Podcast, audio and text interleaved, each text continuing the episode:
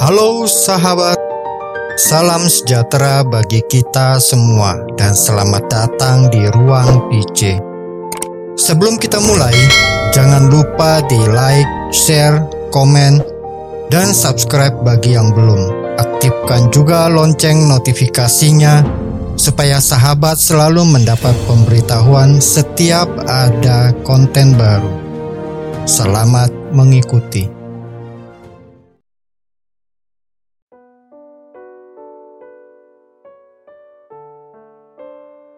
Ada sebagian orang Katolik yang berkutat dengan aturan-aturan puasa dan pantang dalam gereja Katolik, tapi melupakan makna prapaskah itu sendiri.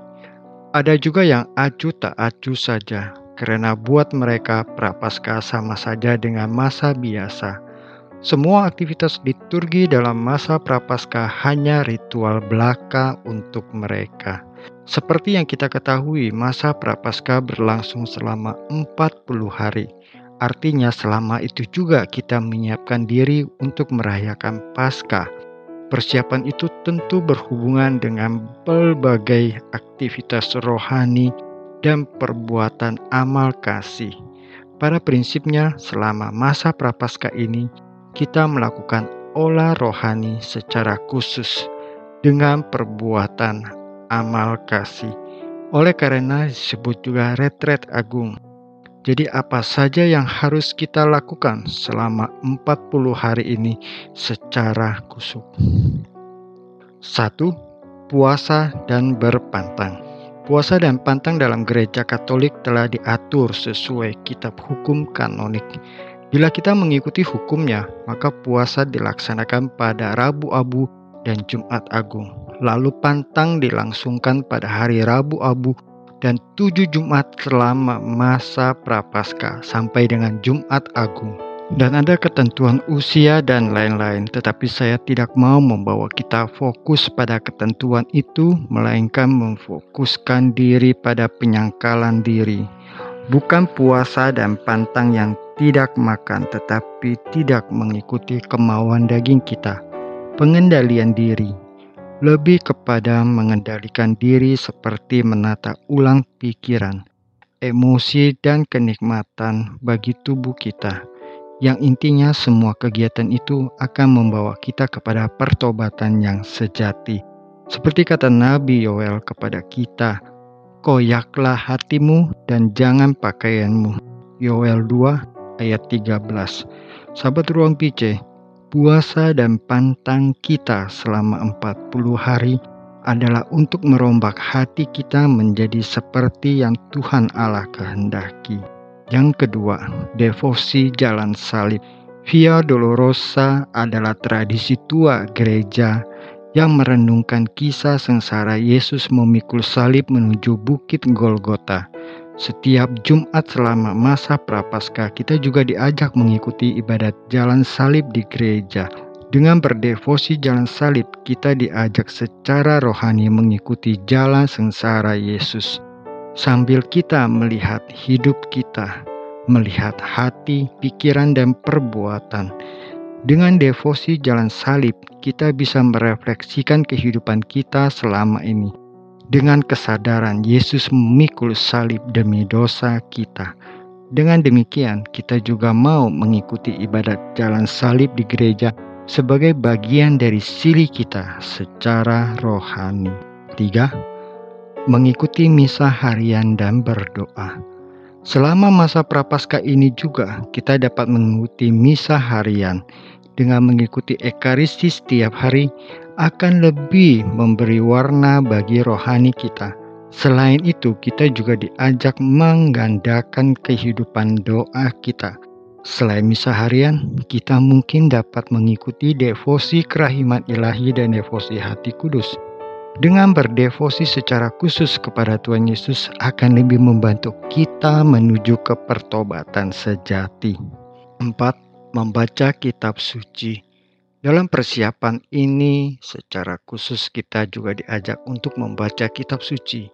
Masa Prapaskah adalah masa yang panjang bagi kita untuk merefleksikan kehidupan kita, maka disebut juga retret agung. Kitab suci menjadi bacaan wajib yang akan membantu kita dalam melakukan refleksi. Selain itu, buku-buku rohani Katolik yang dalam masa ini kita mau menambah wawasan kita tentang iman kita dan gereja kita dan apa saja yang dapat membantu kita dalam melakukan pertobatan kita. Semoga dengan membaca kitab suci pikiran kita bisa ditata ulang sesuai dengan kehendak Allah. Semoga juga hati kita semakin menjadi pribadi yang penuh pertobatan dan penuh syukur di hadapan Allah. Kelima, mengaku dosa. Dengan mengaku dosa, hati kita menjadi lebih ringan dan tenang. Kita seharusnya melakukan atau menerima sakramen rekonsiliasi ini setiap saat kita merasa ada ganjalan di dalam hati kita yang diakibatkan oleh dosa. Dengan sakramen rekonsiliasi ini kita mengobati rohani kita yang sakit karena dosa. Setiap pertobatan kita haruslah berujung pada sakramen rekonsiliasi supaya kita sungguh menerima rahmat pengampunan dari Allah dan kita dibersihkan dari dosa kita. 6. Berbuat amal kasih. Puasa menjadi sempurna kalau disertai dengan perbuatan amal kasih. Puasa dan amal kasih artinya mengurangi apa yang melekat pada diri kita, memberi kepada mereka yang kurang. Pada masa prapaskah aksi ini disebut aksi puasa pembangunan atau APP karena kita tidak memfokuskan pada hal-hal jasmani.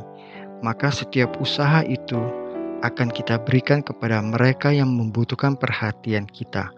Uang yang terkumpul dari aksi kita itulah yang akan menjadi derma kita untuk sesama.